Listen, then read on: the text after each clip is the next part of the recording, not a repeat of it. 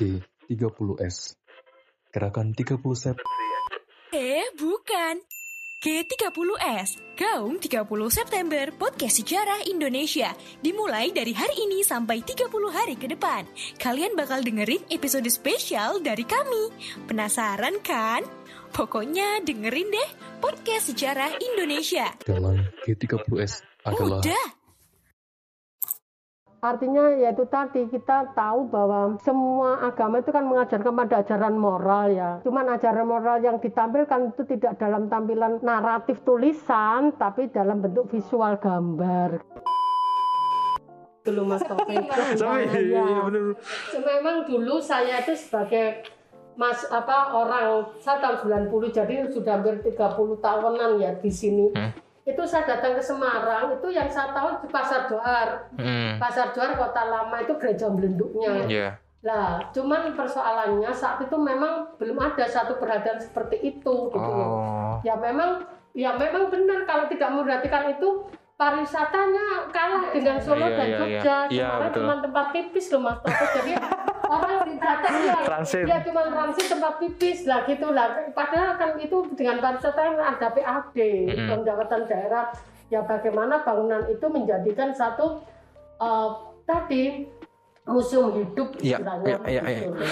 Tapi keren sih Bu. Bangga banget pas lihat kemarin muterin kota lama memang sudah beberapa dialihfungsikan untuk yang tadi kayak pemanfaatan Tapi terus ini ya, pengembangan. harus objektif dalam arti plus minusnya ya. Ya, ya, Jadi ya. yang orang itu akan bisa besar dan berkembang karena ada kritik yang membangun. Iya, iya.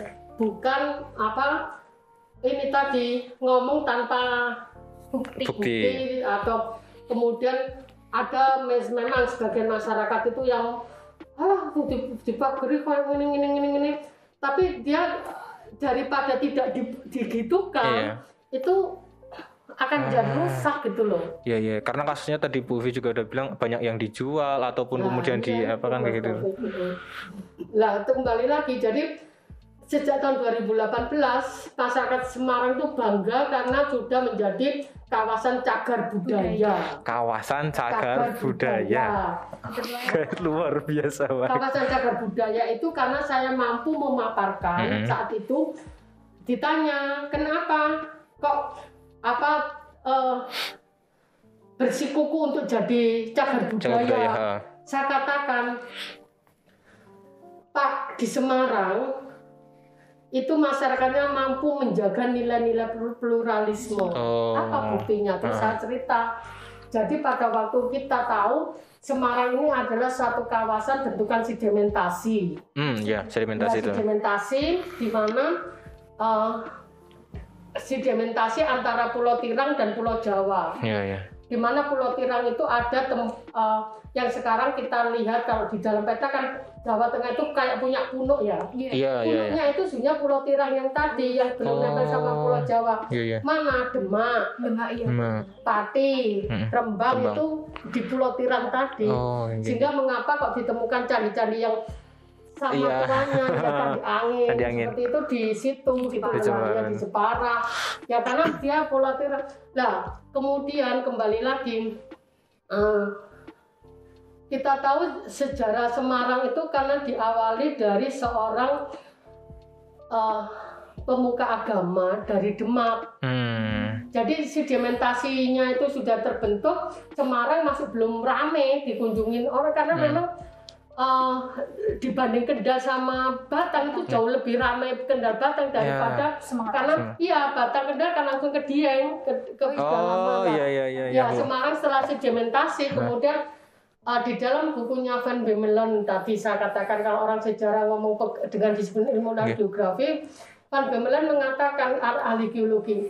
Jadi Semarang itu yang kalau kita lihat apa Gajah Mungkur itu dulu adalah laut dalam 100 Oh. meter dalamnya. Gajah Mungkur Kota yang lama, Eh. ya kota lama itu rawa-rawa. Oh, Nah itu yang kondisi itu yang kemudian didatangi pertama kali tadi oleh apa eh, Pandanarang. Oke. Nah yang sekarang jadi jalan itu ya iya, iya. Pandanarang inilah yang kemudian sekaligus mengislamkan uh, wilayah Semarang dan di situ Pandanarang apa ini ber, me- bertempat tinggal pada suatu komunitas kecil yang namanya dusun ngilir. Lah di dusun Hmm. ngilir inilah uh, ketemu dengan apa pengusaha misalnya bu- bu- ya karena tadi mas ini yang yang paling apa belum kita banyak dibahas Oke. Semarang itu kenapa menjadi tempat pertemuan itu karena tadi di dalam catatan yang masih belum kita pasal yang belum terungkap Iya. Ada yang namanya Ratu Sima ya belum terungkap. Iya. di mana letaknya? Tapi saya yakin dan aku yakin ya ada di daerah pesisir utara Jawa daerah Batang Kendal itu. Oh, dan di sana ada namanya pelabuhan Bergota.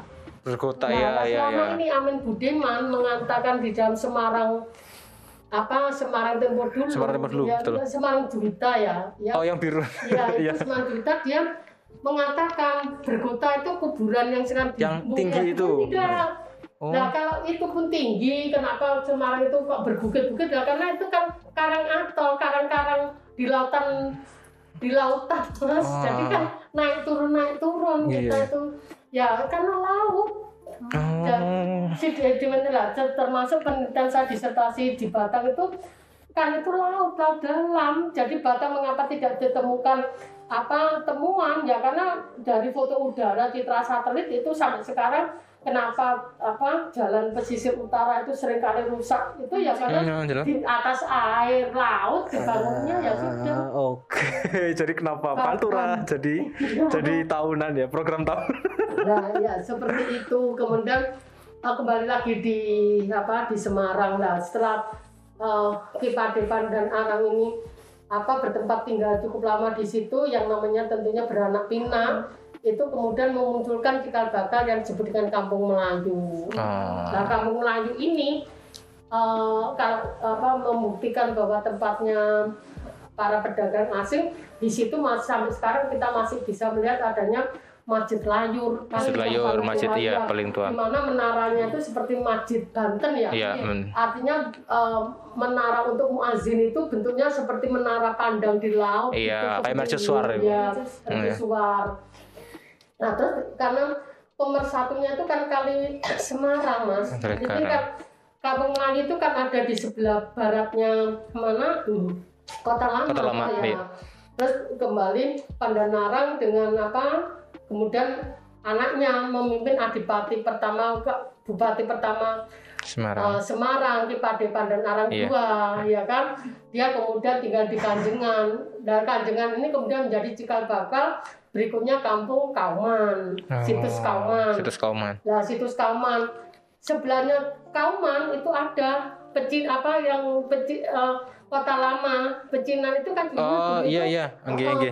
Di dikelilingi oleh suatu benteng yang memiliki lima sudut yang disebut dengan vijf vijf itu bahasa Belanda kan Oke, lima hoek hoek itu kan sudut Iya. lima sudut karena ada peristiwa kenapa kok Semarang apa orang Cinanya itu di band di dalam Hmm, benteng heeh. saat itu ya karena di catatan sejarah Hmm. kan pernah ada pemberontakan orang Cina kepada pemerintah India Belanda Oh di iya iya Jakarta iya. pemberontakan Sepoi ya Iya. kan yang kemudian gubernur jenderalnya itu di eh, amankan di Semarang.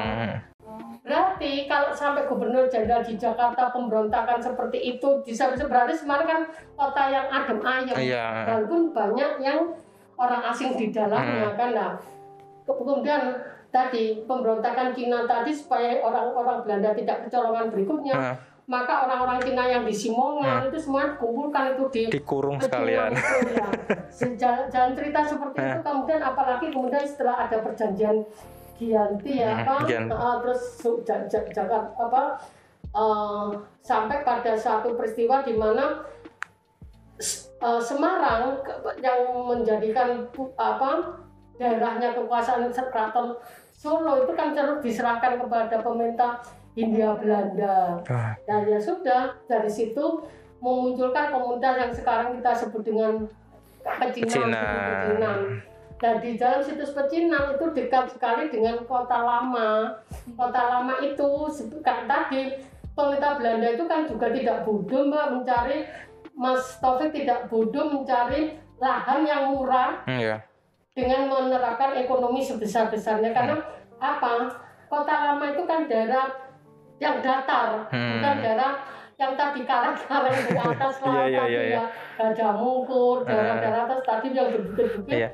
Nah, di kota lama itu kan sedimentasi yang paling dekat dengan pantai. Iya. Jadi datar, tidak Ah. ada penghuninya. Seperti sekarang itu kalau di Jakarta itu yang sekarang ada apa? eh, itu loh, Bendungan. Yang kemarin Gubernur Jakarta memberikan reklamasi Oh, di Tanjung iya, iya. seperti itu itu kan reklamasi itu kan pengurukan nah itu ya otomatis kok daerah kota lama itu kan daerah urukan Oh. Murah.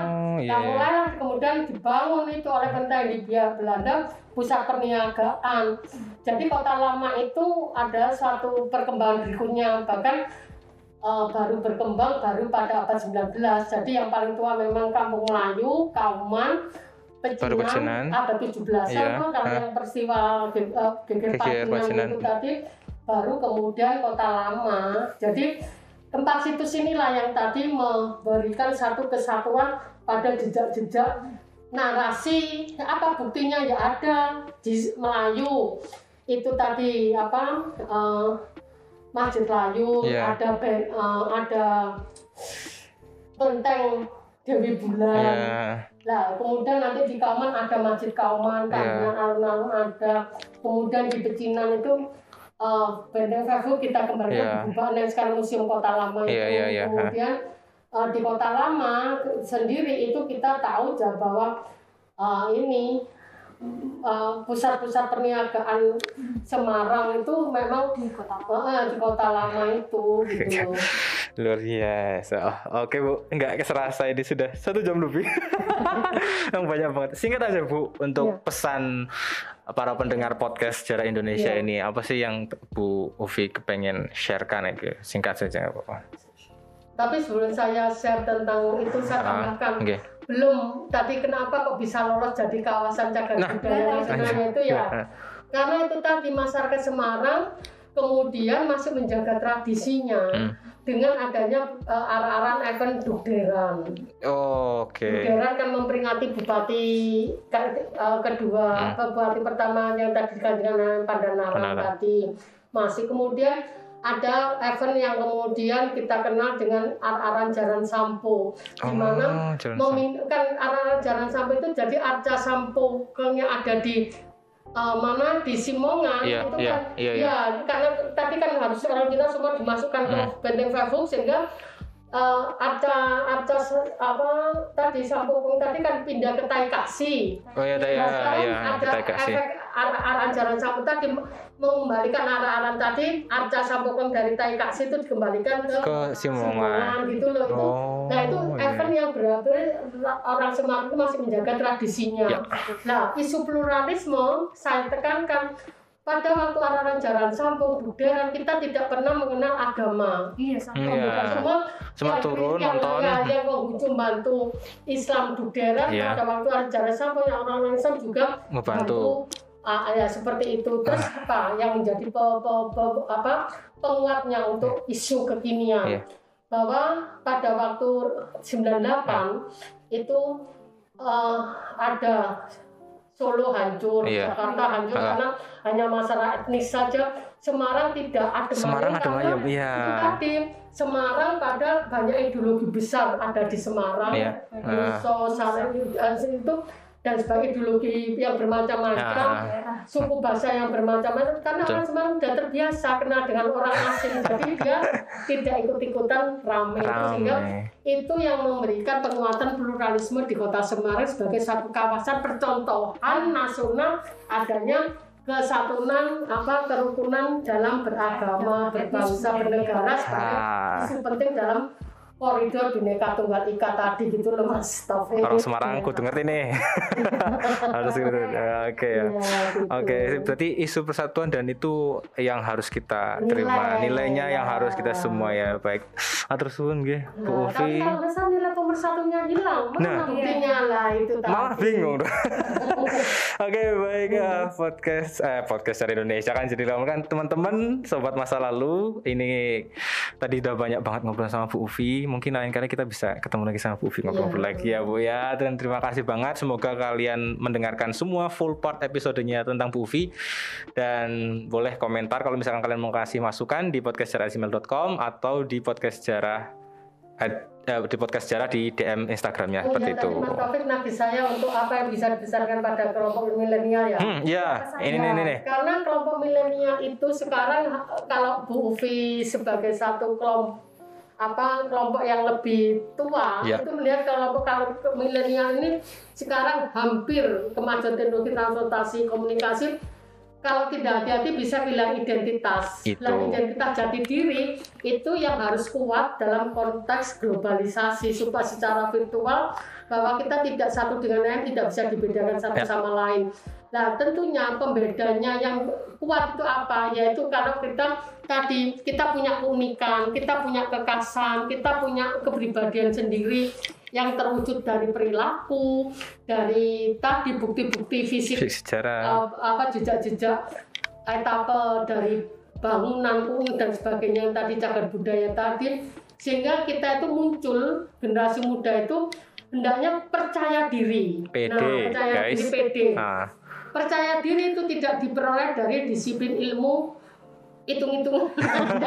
Jadi karena saya gini orang yang yang bukan berarti disiplin itu tidak penting. Sejarah itu penting ya karena itu tadi karena ada satu eh, nilai yang tetap terjaga sehingga kita tahu bahwa kita itu bukan bangsa ecek-ecek, kita bangsa besar, kita bangsa karena belajar dari sejarah dan arkeologi tadi gitu loh. luar biasa. Nggak salah kita men. Terus bu, semat bu nggak salah disandangan ke bu pokoknya. Terima kasih kawan-kawan kita bertemu lagi ya. Iya, Oke sobat masa lalu, jangan jangan kelewatan ya untuk nonton ini. Terima kasih saya Taufik Harpan undur diri pamit. Assalamualaikum warahmatullahi wabarakatuh. Kasih.